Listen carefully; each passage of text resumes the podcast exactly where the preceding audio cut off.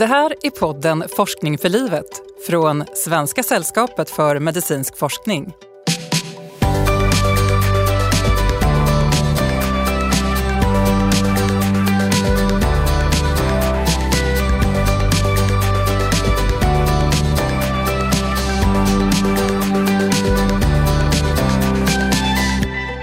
Hur skriver man egentligen ett testamente? Ja, vad krävs för att det ska vara giltigt och vilka är fallgroparna som bör undvikas?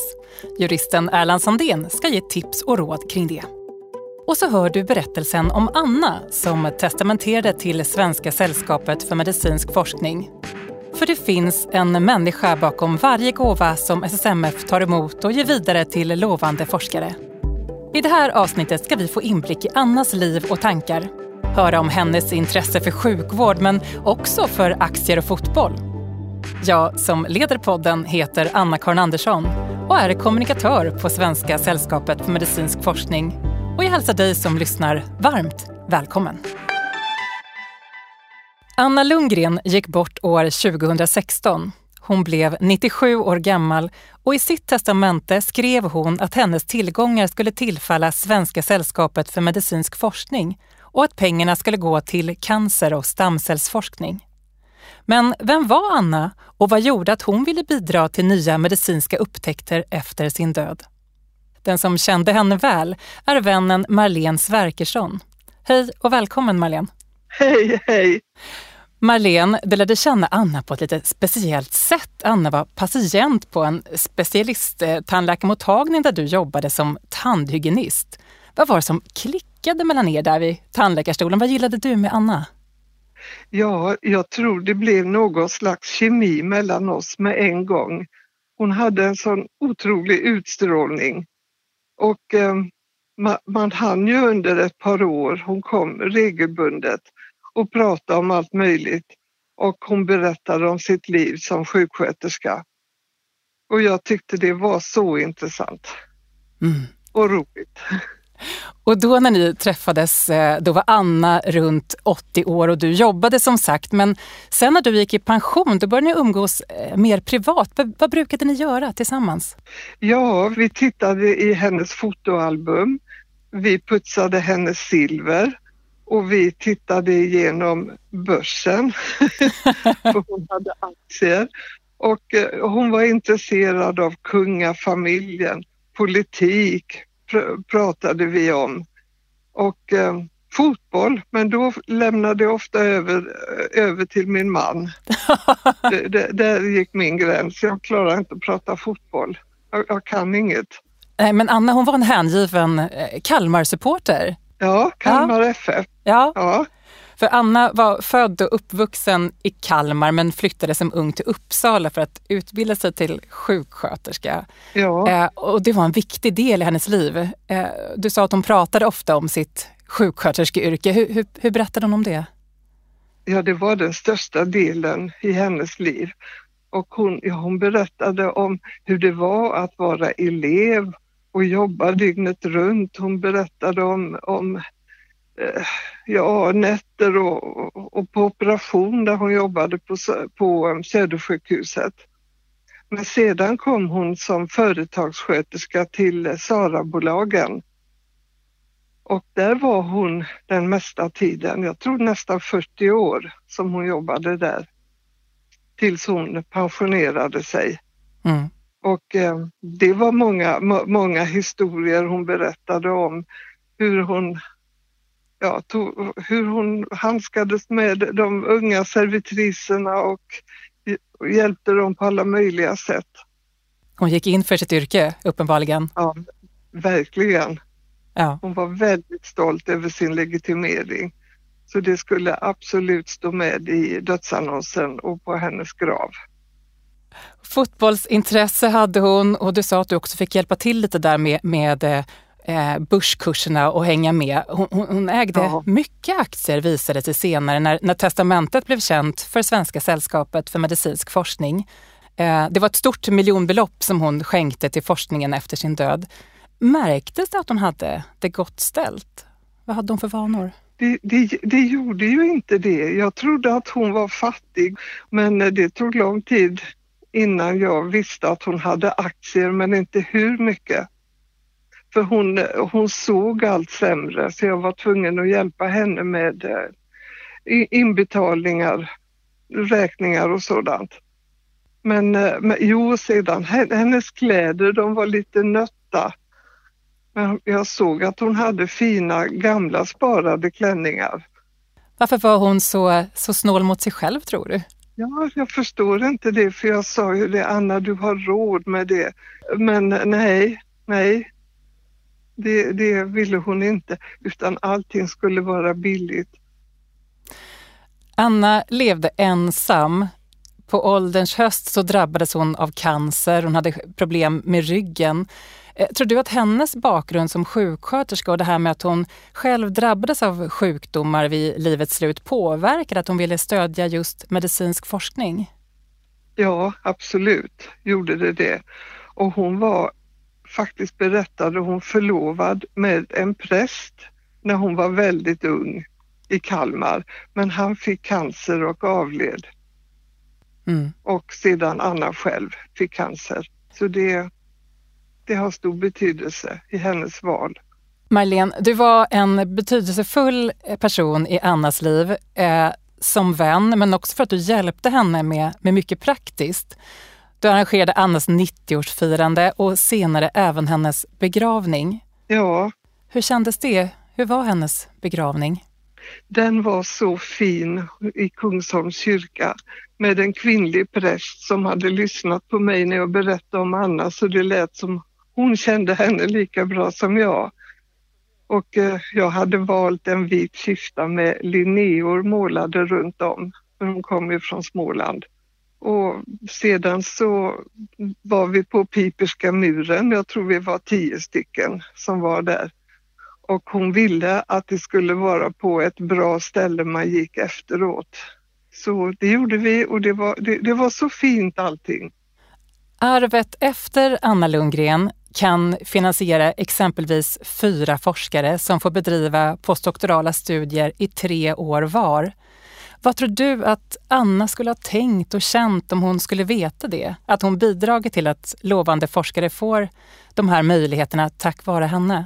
Åh, det skulle hon älska. Det skulle hon. Tack Marlene Sverkersson för att du delar med dig av berättelsen om Anna Lundgren. Ja, tack.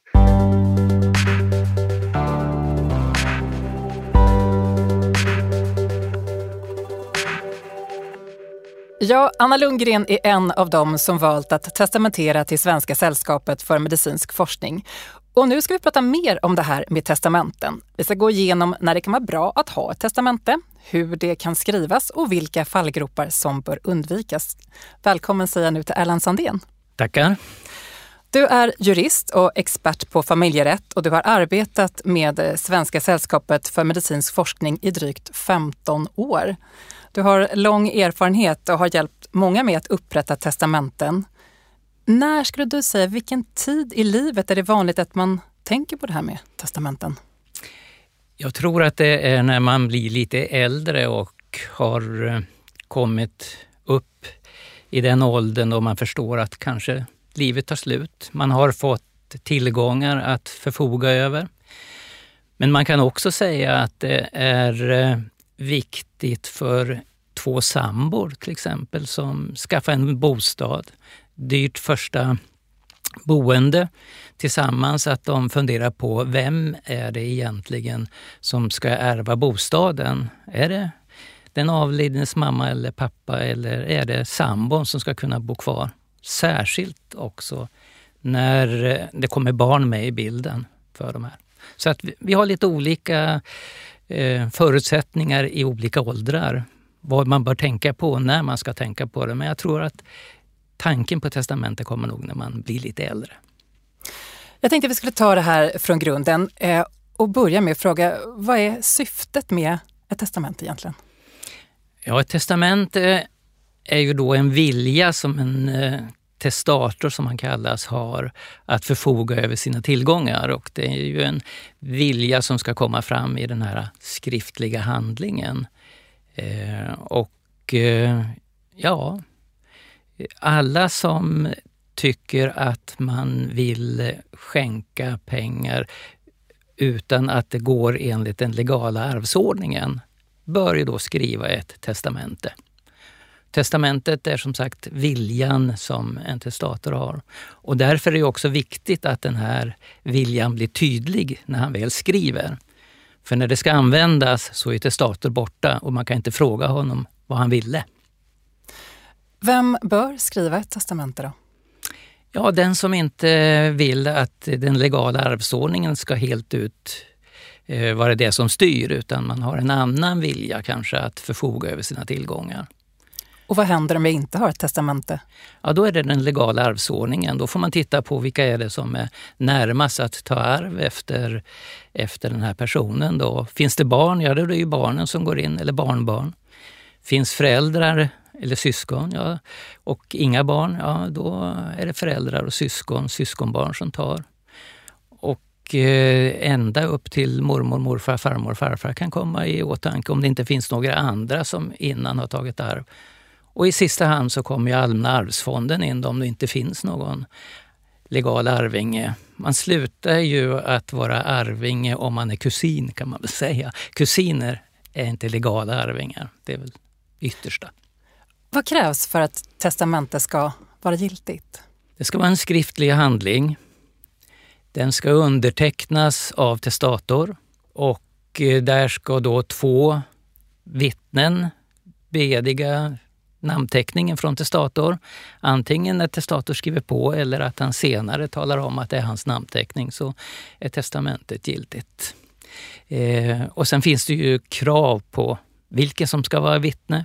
Mm. Vilka är de? Vilka är det för krav? Ja, du ska vara 15 år och förstå innebörden av eh, det här med att vara vittne. Eh, och sen ska ju vittnena inte vara närmare släkt med testator. Eh, då blir testamentet ogiltigt. Vittnet får inte förekomma i testamentet som förmånstagare. Då blir det förordnandet i testamentet ogiltigt, om det är så. Och sen ska vittnena vara samtidigt närvarande med varandra när de bevittnar den här namnteckningen. Så jag kan inte gå in i ett rum och be en kollega skriva under och sen gå in i nästa rum och, och be någon annan som inte är med i samma rum? Nej, då är det, då är det ett ogiltigt testamente. Men de som bevittnar eh, själva testamentet, behöver den se eh, test, själva testamentet, vad det står? Nej, de behöver inte veta vad som är skrivet, men de ska veta att det är ett testamente som de bevittnar. Det är kravet. Och att jag muntligen sagt jag vill ha det, det duger alltså inte?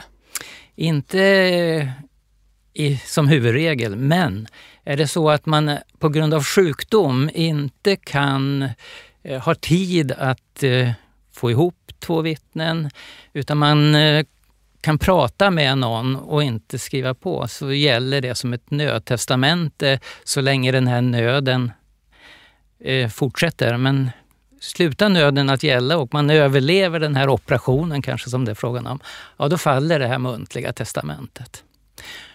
Och det finns också en möjlighet att ha ett skriftligt testamente, att man själv sitter och skriver det sista man vill då om man är i nöd. Och då är det också ett nödtestamente. Men om den nöden upphör, om man hittar ut ur den här mörka skogen så småningom och kommer hem, ja då faller ju det skriftliga testamentet också. För att det inte är bevittnat enligt det? Nej, då är ju inte formellt riktigt upprättat mm. enligt huvudregeln. Men hur fint eh, behöver testamentet vara då? Eller hur formellt? Kan jag ha en handskriven, lite skrynklig lapp men med de här två vittnena? Eller hur ordentligt behöver det vara? Ja, nej, det går bra om en eh, person själv eh, för hand skriver ett testamente och får det bevittnat. Men det är alltid bra att få det kontrollerat i efterhand då utan någon kunnig person så att eh, man inte har trillat i någon fallgrop. Och framförallt att det blir tydligt det man skriver eftersom man inte sen kan fråga till start vad man vill när, när testamentet kommer fram. Vem eller till vad kan jag testamentera till? privatpersoner, till eh, organisationer, företag, men inte till katten eller hunden. Det, är inte giltigt. Men typ till Svenska sällskapet för medicinsk forskning är ju en organisation som kan ta emot gåvor på det här sättet.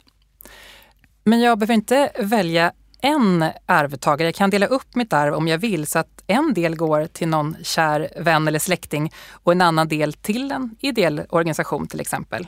Eller ja, hur? det är korrekt. Eh, och det gäller ju även om man har barn. barn har ju rätt att få sin laglott. Men laglotten är ju bara hälften av vad den avlidne efterlämnar. Resterande del kan man eh, testamentera till något annat ändamål. Och man kan göra det på lite olika sätt. Man kan eh, testamentera en andel till en organisation eller en person. Och då är han dödsbodelägare och ska vara med i förvaltningen av dödsboet. Eller så säger man att den här organisationen ska ha ett belopp, 100 000 kronor.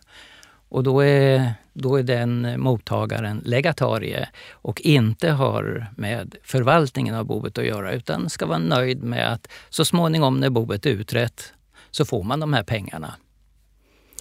Var ska jag förvara testamentet? På ett betryggande ställe. Och ofta i bankfack. Då är man säker på att ingen obehörig kan komma åt handlingen eftersom bankerna har rutiner kring det här när någon ska gå in i en annans bankfack. Då. Eller om man inte har något bankfack så har man testamenterat till en organisation eller en privatperson så kanske man ska ge originalet till den personen men ha ett kopia på testamentet hemma där man då talar om var originalet finns att hämta. Mm.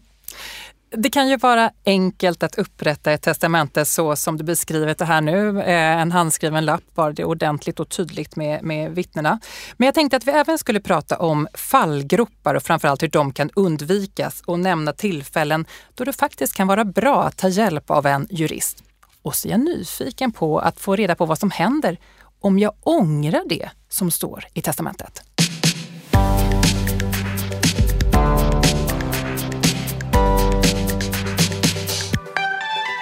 Erland Sandén, eh, jurist. Eh, om jag äger en bostad och kanske aktier så vill jag att det ska säljas och investeras eh, i medicinsk forskning när jag har gått bort.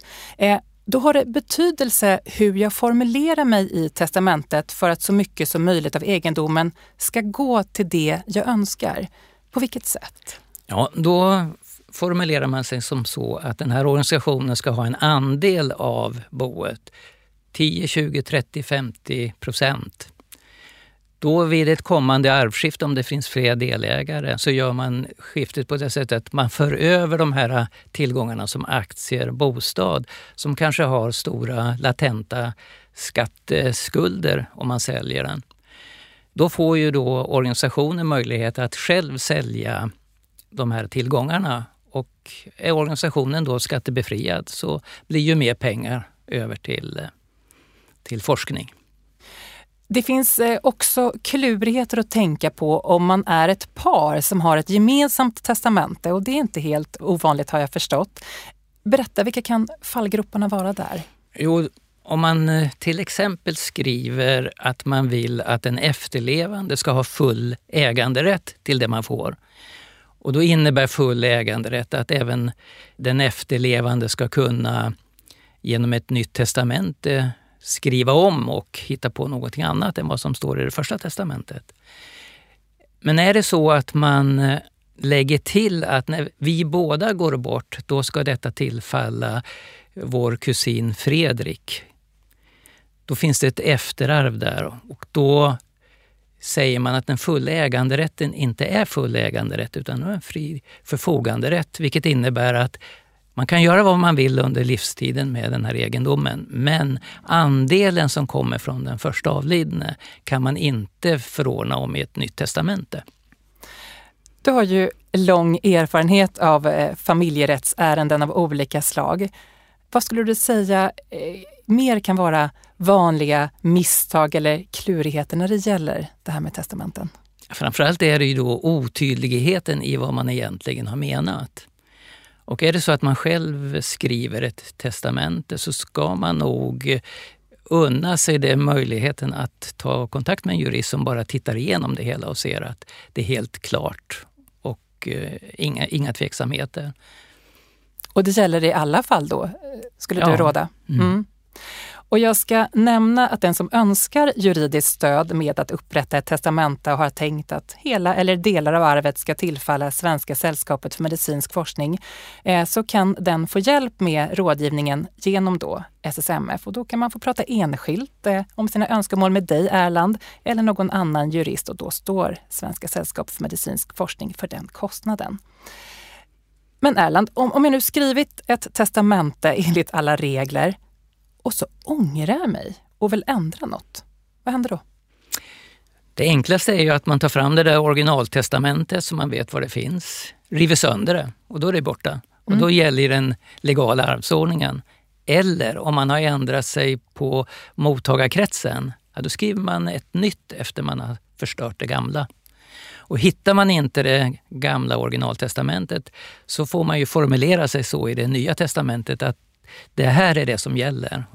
Och det yngsta testamentet är ju oftast det som gäller. Men för säkerhets skull ska man ta bort alla gamla förordnanden då, genom skrivningen i testamentet. Då. Så man ska helst hitta även kopiorna som kan finnas utspridda hos på annat håll? Kopior blir ju inte gällande om inte det är så att någon kan bevisa att det inte är testator som har förstört originalet utan att det är någon annan. Då kan en kopia bli gällande. Men annars är det ju inte på det sättet. Erland, du inledde med att berätta att många börjar fundera på testamenten när de blir eh, lite äldre.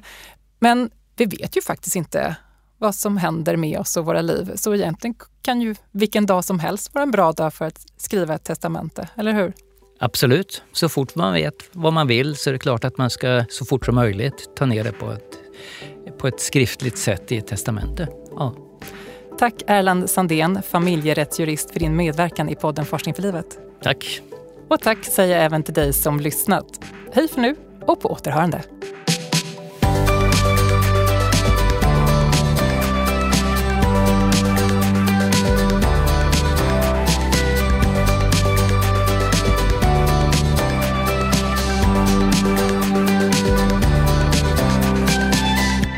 Det här programmet görs på Beppo. Beppo.